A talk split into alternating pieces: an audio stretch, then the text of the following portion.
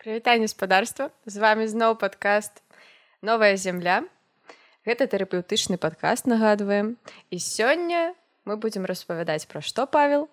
Мы сегодня будем размаўляць про 500 даляраў. Ну не про самі 500 даляраў не то что мы хотели про это поговорить да нас просто зноў прыйшоў гость у подкаст і гэты чалавек. Привет марина.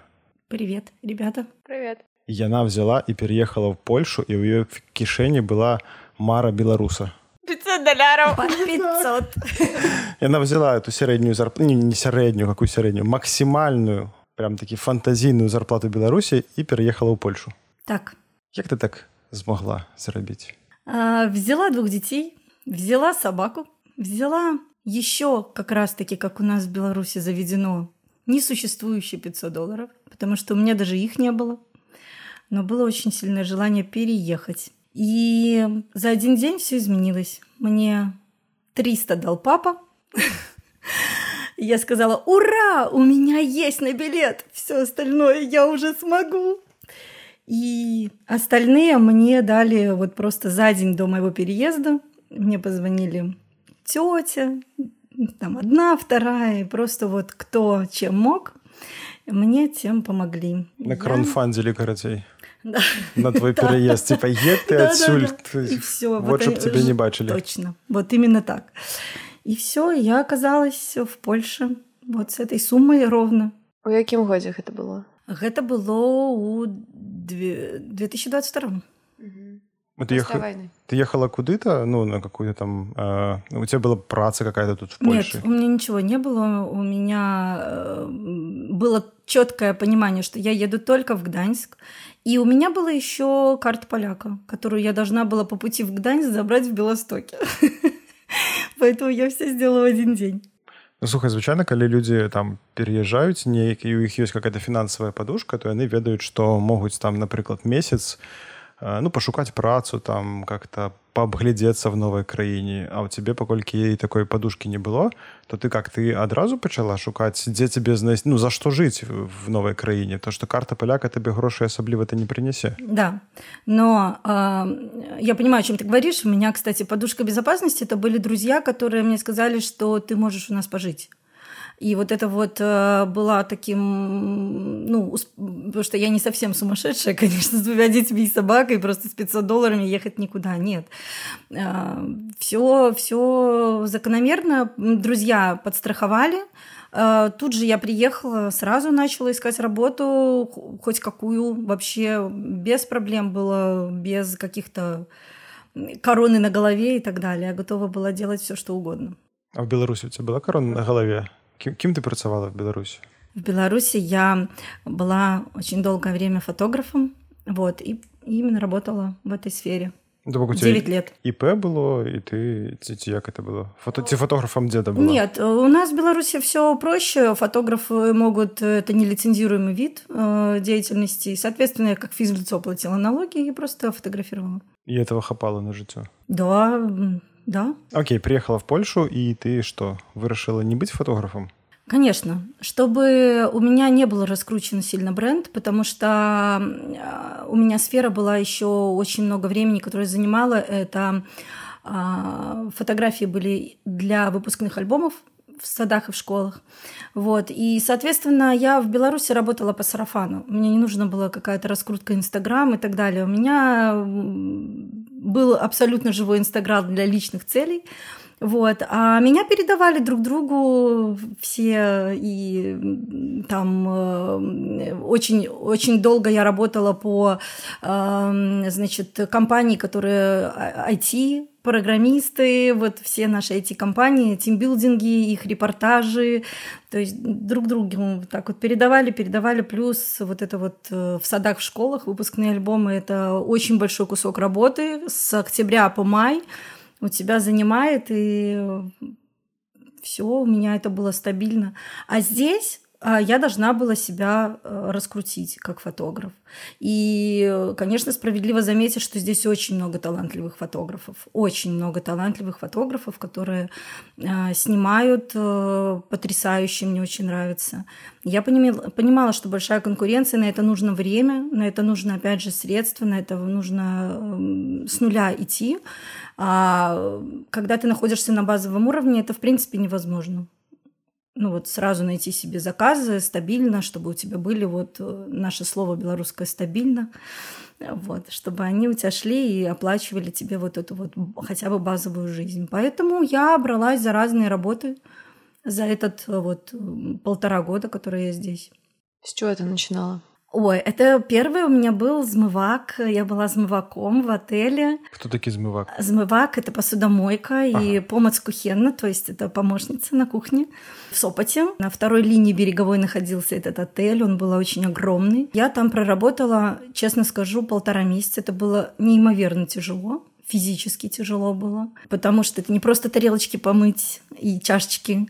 Заполняемость отеля была 650 э, человек, и это тазы, это жирные вот эти все э, противни, все-все-все, и плюс ты после вот этой основной смены, смены ты должна еще убрать полностью кухни, вытяжки помыть, ну, то есть это было очень-очень, я, ну, у меня прям полетело здоровье существенно после этого, поэтому я поняла, что не могу так, у меня двое детей, и просто не могу так здесь. Что было дальше? Ну, грошей ты заработала неких? Да, ты знаешь, на тот момент это было очень все кстати, потому что э, мы сняли э, в частном доме э, комнату, э, и она была э, по деньгам не очень выгодна. А, и, соответственно, за вот эти вот полтора месяца работы в отеле я могла, вот я уволилась и месяц еще не работала. То есть у меня были, чтобы восстановиться, вот, у меня были средства к существованию. Ну, а потом я думаю, что ж я еще могу делать вот так вот, чтобы каждый день работать, а не ждать заказа от фотографии. И я пошла в Uber, я пошла в такси. И по Троемясту я работала, ездила на такси, знакомилась с городами, знакомилась с культурой, знакомилась с, с поляками. Это было очень интересно. А вот расскажи про такси, как туды потрапіць у тебе павінна быць нейкая свая машина там кепка таксиста какие-то есть базовые патрабаванні своя машина а, нет есть, конечно, своя машина это лучше, это больше заработок, потому что э, аренда такси, она довольно... Вот я брала свою машину в аренду, то есть я платила э, хозяину э, аренду. На тот момент она была 550 злотых в неделю. Вот, и ничего особо, мне только нужно было обязательно справку несудимости, что я с Беларуси? Не покарана, так.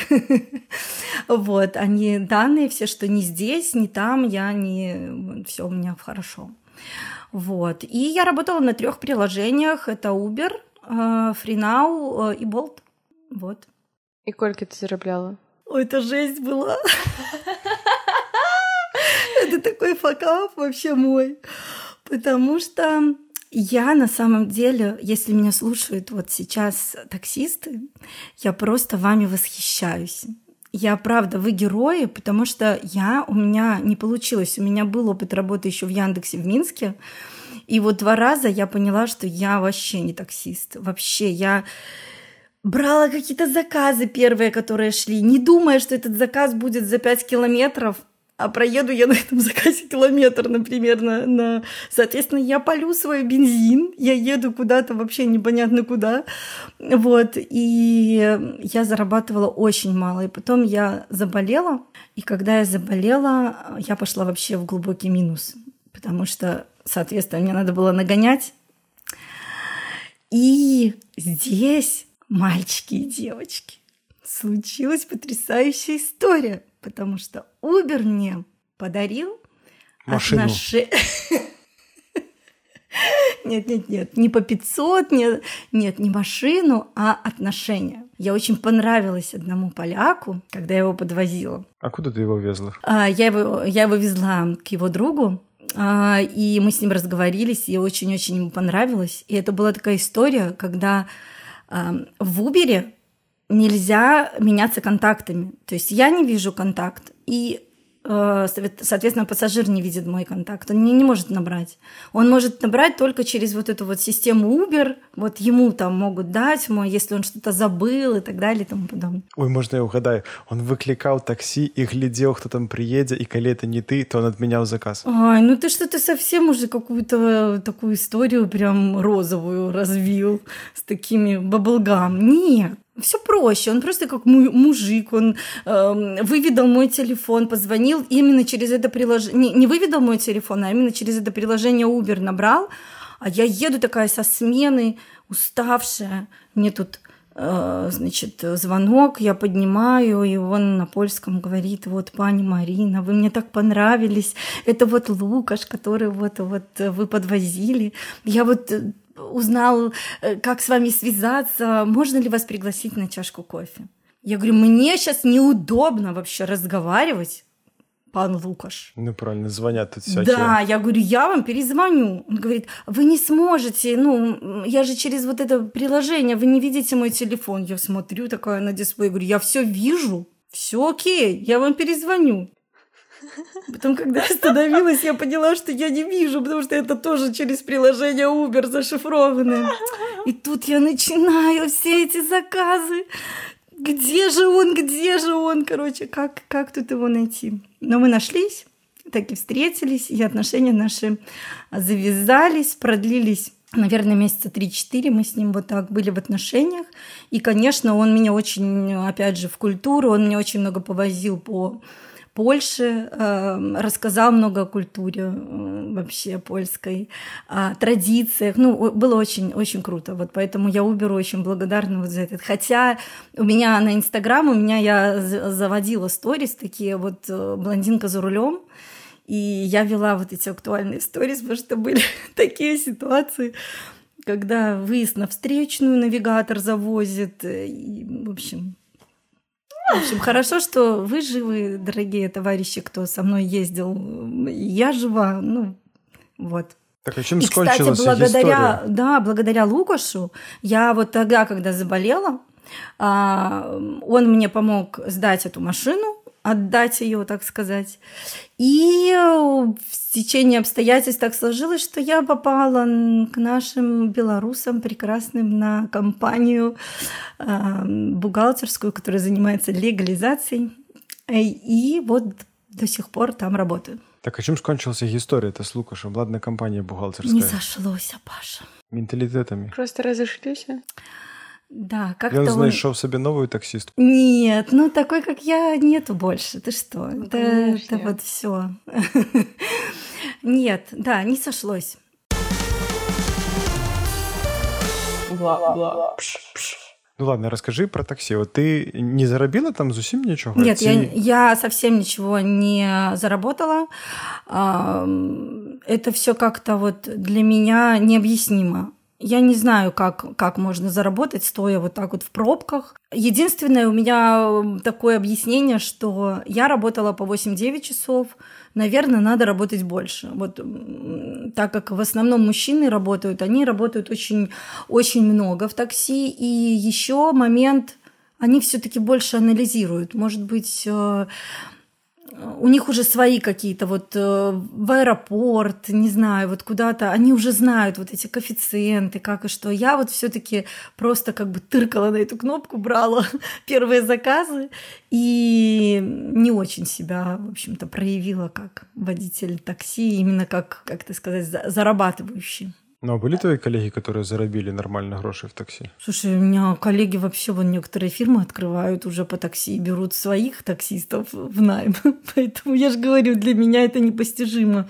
И это герой моего времени. А были какие-то ситуации, ну, такие страшные в такси, потому что ты ж подвозишь э, постоянно неких новых людей, и они могут быть там неадекватными какие-нибудь?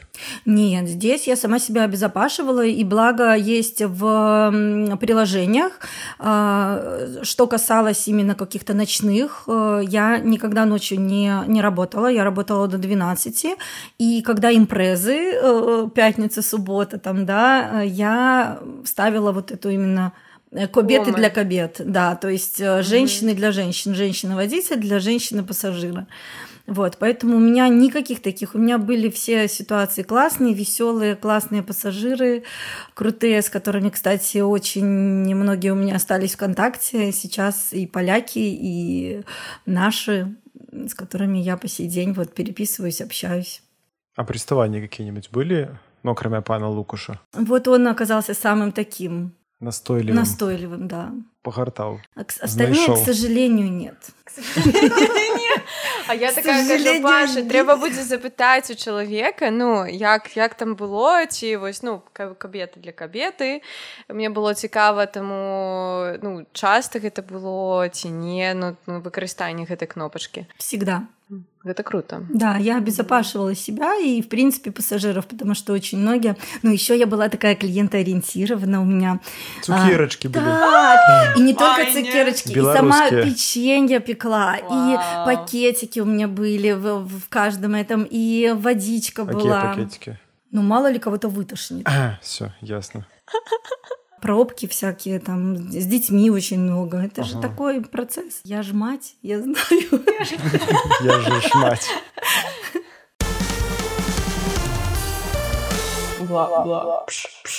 Расскажи, калі ласка, давай вернемся крышечку ў Беларусь, калі можна. Паспрабуем. Э, чаму ты выехала?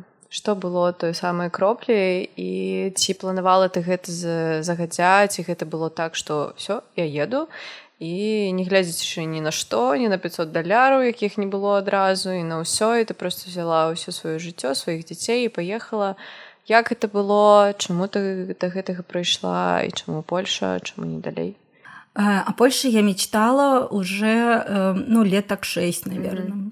Потому что я, мы когда-то приезжали сюда же, в, в Гданьск, отдыхали всей семьей, и я тогда вот выйдя прям на вот эту вот э, нашу улицу Дугу, да, э, значит, увидела вот еще стояло колесо обозрения, кстати, вот здесь на ближе вот к Дуга и здесь вот ближе к браме этой театральной.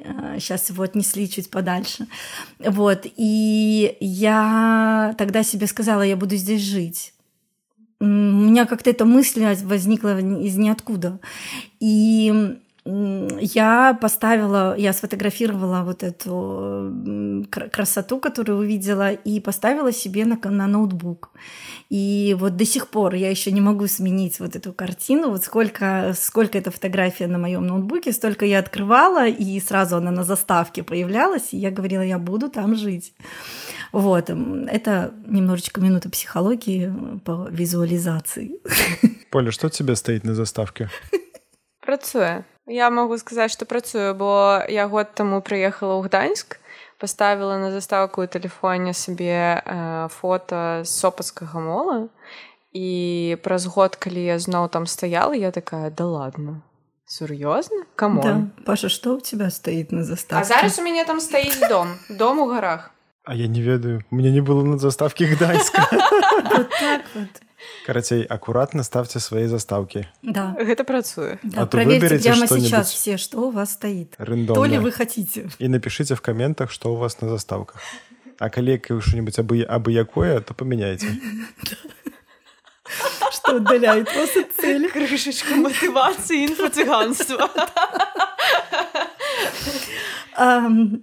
Вот, короче, кажучи, это была действительно моя мечта, а потом у меня бабушка полька. Я имею польские корни, и а, я стала двигаться в направлении получения карты полякам. Но так же, как и с паном Лукашем, мне всегда мешала любовь. И тогда у меня развернулись отношения на тот момент с мужчиной, и я забила на вот эти все уезжать, ну куда я, я же, у меня здесь любовь и жизнь и вообще. Вот. И мое стремление вот по получению карты поляка, она как раз-таки отложилась на неопределенный период. Ну, а потом 2020 и... И лёс склаўся, так? Да. Что хрусть и переезд. Да. Но все действительно таким комом нагрузилось, потому что я была такой активисткой, ярой, сильной, и, соответственно, мне уже были звоночки, поэтому мне было небезопасно. И здесь не было никакого вот просто внутреннего даже какого-то страх был остаться. Большой страх был остаться. И случилась такая история, что я должна была уехать э, в 21 году в октябре. Меня уже ждали друзья. В субботу я должна, у меня уже билеты на автобус. В четверг мы сдаем еще тогда была болезнь, которую нельзя называть, значит, ее нужно было подтвердить или опровергнуть, мы сдаем тесты, и у моего старшего сына вот бессимптомное подтверждается. Я понимаю, что мы остаемся на, как минимум на две недели еще, но тут все закручивается вот так, как будто, знаешь, вот я лечу на коньках с ледяной горы, и меня резко тормозят. И вот я просто лечу, потому что в четверг я узнала, что у сына бессимптомное. А, в пятницу моего папу забирают э, в больницу, тоже с, с этим же, и его брата родного, моего крестного отца. Вот. Мой крестный отец умирает, папа мой попадает в кому. На похоронах у крестного отца мы заболеваем все, ну, соответственно, все. То есть меня просто так остановили, и моя жизнь в тот момент была, в моем понимании, полностью разрушена. Потому что я уже сто... у меня закончилось все, все проекты, я все продала. Я сид... я... Мы спали просто вот на голых матрасах. А, потому что вот нужно было эти два, два э, периода, э, два, две недели карантина переждать. А тут так все закрутилось, что я осталась без работы, без жилья, без, ну вообще без ничего, ноль. И что делать дальше, я просто не могла, и я скатилась в тот момент, я поняла, что такое депрессия. Одурить. Да, я поняла, что когда мне уже перестало хотеться вообще вставать с кровати, я отвела себя к психотерапевту, и мне прописали минимальные дозы антидепрессантов. Я себе таким образом помогла. И дальше все случилось э, в другую сторону, уже в плюс пошло, потому что как только я знала, что в, в тот же момент уже в Минске нельзя было получать там карту поляка и в Беларуси, только на территории Польши, а я-то уже знала, что я в октябре буду уже в Польше, я записалась. И э, или в ноябре, или в декабре, в декабре я получаю а, значит, приглашение на карту поляка в Белосток на собеседование. И я понимаю, что надо ехать у меня тогда нету вообще плана, у меня нет денег на тот момент. Я просто провожу игру э, онлайн, которая тре, игра тренинг такая у меня есть по роду, и я окупаю полностью себе поездку вот в Белосток. Нормально. Я сдаю на карту поляка, прохожу успешно собеседование, и все, и здесь уже потихоньку вырисовался план, потихоньку жизнь начала в свое русло приходить. Папа, слава богу, вышел из комы, все стал выздоравливать, и все, и я получаю в марте приглашение забрать карту поляка. А, в моей семье очень важны рели... ну, вот традиции, и я понимаю, что это Пасха, вот, выпадает. Мы проводим неделю с отцом у себя в родовых, э, в родовом имении в Бобруйске, в нашем любимом городе. Вот. И после Пасхи я понимаю, что с детьми и чемоданами выезжаю в Польшу и больше не возвращаюсь. Дорога в Беларусь закрыта. У мяне толькі одно пытанне да ўсяго гэтага адкуль у цябе сілы Што табе дапамагала ўсё гэта вытрымаць ну дэпрэсія потым зноў падняцца потым э, з усімі развітацца прыехаць сюды без нічога і, і ты сядзіш ты просто усміхаешься успамінаю сябе першыя месяца гэта быў просто ляжаць пластом і, і плакаць но трэба было таксама нешта рабіць але ну я не хадзіла з такой усмешкай ты з такой усмешкай ты заўсёды такая. Я тебе бачу заўсёды ў такім стане. а Откуль гэта? Что это моя суперспособность. У каждого Вау. есть своя. Вот у меня э, э, моя улыбка это меня вот везде. И в отеле тогда тоже называли Марыся усмешка. Э, это моя суперспособность. Наверное, я даю такие вот э, знаки своему организму, что не все потеряно. То есть, если я уже такая все без улыбки, значит, это какой-то Вообще. У вас 18 плюс? Можно, можно. Ну да, значит, это какой-то вообще э, случился в моей жизни. То есть это уже такой предел, который вот типа как этой депрессии. А, тогда я не улыбалась, да, и очень многих пугала этим, потому что улыбка – это моя сила. Она, она абсолютно искренняя, это не маска какая-то, да, когда надеваешь. Это вот какая-то вот такая суперспособность, которая дает мне силы. И еще вера. Мне очень сильно хотелось понять, смогу ли я. И, в принципе, у меня на, на весах была жизнь моя и моих детей. То есть я понимала, что либо это, будут, э, это будет тюрьма рано или поздно, либо это, ну, мне надо уезжать. И поэтому здесь даже не стояло какого-то выбора или там каких-то мыслей, а что будет дальше. Вот когда я уже приехала в Польшу, и это была первая, наверное, полгода, это была эйфория, несмотря на все факапы. У меня забрали последние деньги, и я была вообще без денег. Ну, то есть было очень много историй, причем забрали друзья. И это была тоже такая тяжелая история. Поэтому, ну, я думаю, ладно, я заработаю, все хорошо, идем дальше. Счастливый человек, у которого был период эйфории при переезде. Да, он правда был. Он про... Я обалдела от всего. Я, во-первых, я была очень собой. Я, я была очень собой горда, что у меня это получилось. И вот когда я стала на польскую землю, у меня все перевернулось в сознании, что вот я, я смогла, это получилось. Вот у меня очень стучало сердце на границе, я очень боялась, я переживала за всех моих. Думаю, а как же дети? Я даже просила своих родных, говорю, приедьте, может быть, покараульте, пока я пройду границу, чтобы, если что. Был дикий страх тогда. Как только я пересекла и оказалась в Польше, это было такое вот... Это не передать словами ощущение. Это кайф. Это был реальный кайф. И он протянулся, наверное, вот ну, полгода точно. Меня все прям будоражило, все эти красоты, все, несмотря на то, что мне нужно было зарабатывать, мне никогда, ну, у меня не было возможности там отдохнуть. Вот так вот прям в таком понимании большом. Отпуск и так далее. Ты ездила на такси и глядела, вау, який город. Правда. Я разговаривала с поляками, мне как-то все так... Эм, ой, пани, як пани добре mówią польску, ой, ну, wszystkiego najlepszego и все такое. Вот с очень многими людьми они, они правда как-то вдохновляли. А еще потому что, наверное, это было лето, я приехала. И это было такое, ну, все-таки не зимний вот это вот весенний, да, такой пасмурный период, когда снег в лицо и прочее. Хотя тут и снега сильно не дождались. Вот, так что было клево, правда, вот эти вот прям переезд, в моем случае это был это была необходимость, это было спасение своей жизни, вот, но это было все классно. Потом уже было тяжеловато. Бла-бла.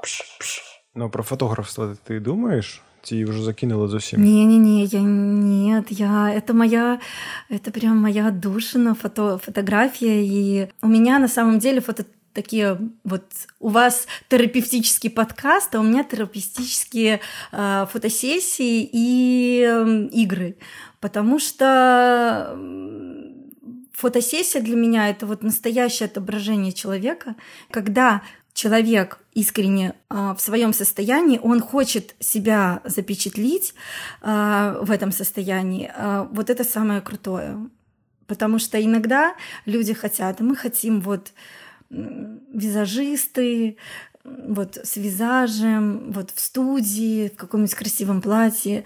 Э, вот это не ко мне, это не моя история. Я люблю, я люблю живу, э, вот искренность и настоящий момент, как в людях, так в жизни, э, в погоде. Мне очень жаль, что люди упускают вот этот момент даже в фотографии, когда, а, сегодня погода плохая, солнца нету, все, не пойдем на фотосессию. Это жалко, потому что каждый момент он круто. И если вот отозвалась фотосессия, надо идти вот сразу же, какая бы ни была погода, сделаем все супер. И начинается минутка инфо-цыганства. Мы сделаем все супер. Продано. Мы сделаем вообще в погоду, в дождь, в снег, в облачность, в яркое солнце. Вот. Ну, я правильно разумею, что фотография зараз у тебя перешла в разряд хобби, да. а не заработка? Ну, она не, не ну... перешла в разряд хобби, но она просто стала менее... Ну, конечно, я зарабатываю больше на... у себя в компании, чем фотографии, поэтому ну, ты не думала, тут уже можно нашить так само костюмов этих для детей, там, с фанеры повыпиливать, не, не, декорации. Я не по этим делам. И не, поехать не, не, не. по предшкольным. Не-не-не-не-не. Я вот сейчас, мне очень повезло, у меня...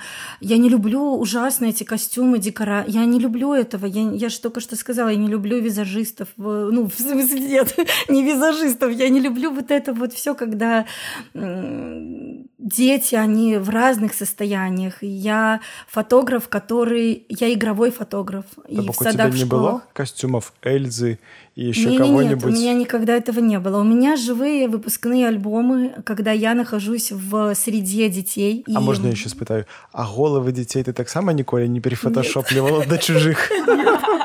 Нет. А я бачу такие фотоздымки. Это э, разное есть в нашей вселенной. И такие фотоздымки тоже имеют место быть, но нет. Я один раз в одном саду очень сильно поругалась с фотографом, потому что я возвращалась с детьми с прогулки и э, услышала крики в спортзале. Это, это были правда крики, и когда я пришла поближе, там было так, э, ваш микрофон кричать нельзя, поэтому я тихо Покажи мне зубы! Это был фотограф детский, который вот на фоне э, фотографировал э, там, на поварят. Поварят.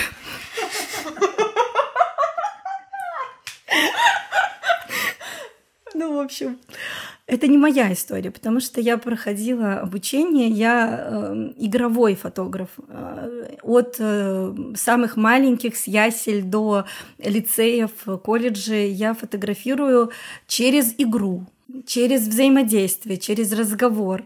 И вот сейчас мне очень повезло, потому что я думаю, как же в Польше развивать вот это направление, а, может быть, языковой барьер, какие-то вот особенности правовые, которых я не знаю.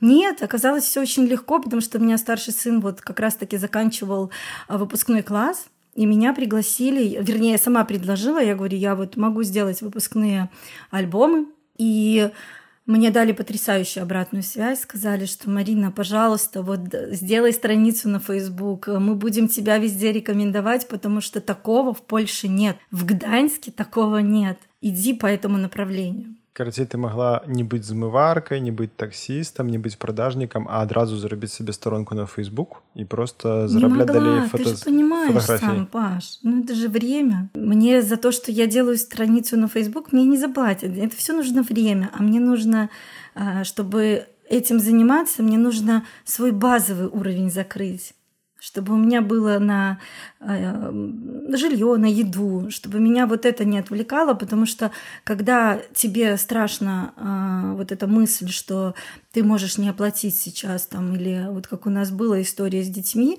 я ее, конечно же, так как я игровой фотограф, я психолог без диплома, э, я обыграла момент, когда мы с детьми там ели неделю Ролтон, ну потому что мне нужно было закрыть э, квартирные вопросы, чтобы не остаться на улице. Поэтому э, здесь невозможно сесть, уделить себе два часа времени, там, сделать э, и ждать заказов или там их куда-то дальше. Я это делаю потихоньку, я верю, что у меня это все придет, если это как бы моя дверь, мой путь.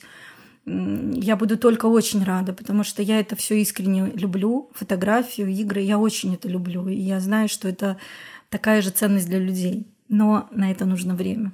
А что еще про гульня, про которую ты несколько разов узгадывала? Это что такое? Да, это трансформационные игры.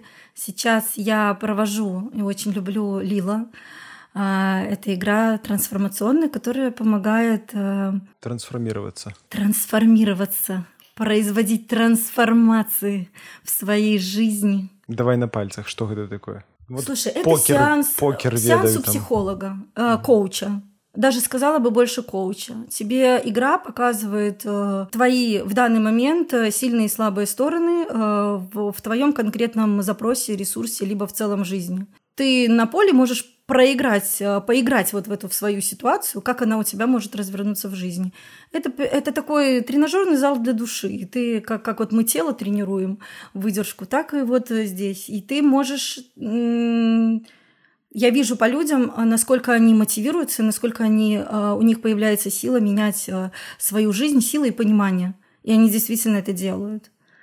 Но плюс мы не будем говорить про вопросы Вселенной, как она подтягивает, Павел, все ситуации жизненные, чтобы у человека все развернулось так же.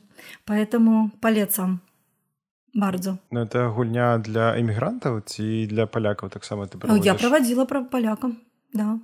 Я проводила, и у поляков как-то вот э, в отношении, если говорить в сравнении с нами, а, у них, им это больше интересней. Они, я поговорила с молодежью, они живут э, изначально уже даже с подросткового возраста, если какие-то у них проблемы, у меня даже сын приходит, говорит, я сегодня вообще на сеансе у психолога был. Я говорю, что? Это как? Он говорит, ну а что? Ну, мне сказали, можно подходить там, если тебе что-то... Я... Вот у них так, у них э, со школы вот развивается эта культура психологии, э, что ты можешь прийти, ты можешь поговорить, если у тебя какой-то вопрос. Поэтому для них это нормально, это естественно. А получив обратную связь, конечно, первый... Угадай, Паш, кто был первым моим игроком Лилы из поляков?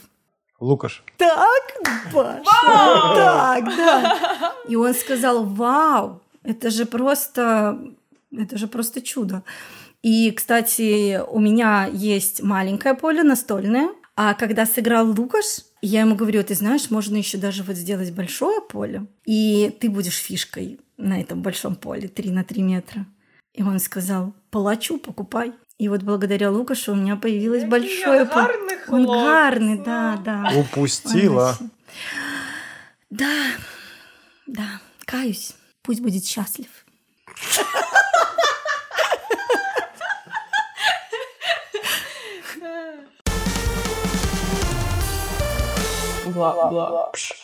Ну а зараз для сябе ты у чым бачыш э, асноўны прыярытэт это что фото фотаздымки это вот эти гульни ты, ты просто хапаешься за то, что прям зараз переносят Сейчас, гроши. Да. И, и, я и тебе хочу сказать, не буду даже врать. Сейчас я берусь за все и даже убираю на полставки.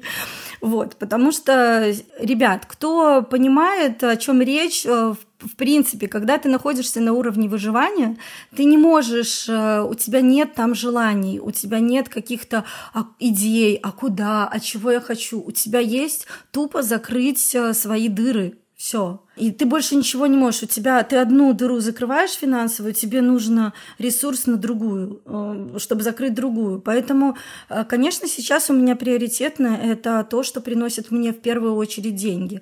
Но я очень счастлива, когда ко мне приходят э, заказы на игру, на фотосессию. Я неимоверно счастлива. И меня это знакомит с потрясающими людьми, которые остаются моими друзьями, которым я помогаю тоже в, каких-то моментах, и они мне поддерживают. Это сейчас, особенно в эмиграции, очень важно, когда ты можешь там опереться на кого-то и, или посморкаться кого-то в, в жилетку и так далее. И вот такие, ко мне приходят просто талантливые люди. Вообще, ко мне приходят мужчины на игру, когда там скажи мне, вот, вот у меня сейчас такой-то бизнес, вот надо мне вот этот вопрос проработать, или там вот сейчас вот влажу в такое-то дело, что мне делать. С мужчинами, конечно, все. Ну, слухай, например, мы можем вот со своим подкастом прийти до тебе на гульню, и ты нам скажешь, калі ён будзе мець миллион слухачоў? На такие вопросы не отвечает игра в плане, когда я выйду замуж. Вот это не гадание, это не система вот такая. Вот ты отрезала зараз я... львиную частку аудитории. Да, вот я прям, я режу по-живому, скажем так. Нет, она, она тебе может действительно подсказать, э, что необходимо сделать для того, чтобы нарастить э, себе э, слухачоу.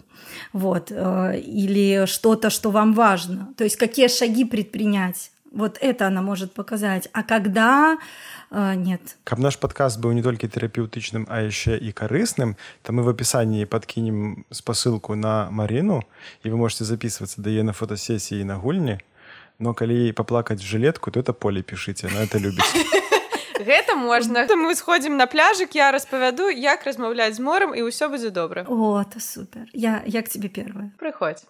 Будзеш першым з падкасту чалавекам які прыйшоў да мяне паплакаць. Ой супер. Ну, і пасмаркацца. І пасмаркацца. Марына просто вялікі табе дзякуй за тое што ты такая ёсць. И за шчырасць. За шчырасць, так, за твою усмешку. Спасибо вам огромное. Было круто. Дзякуй табе. Да Дзякуй пабачэння.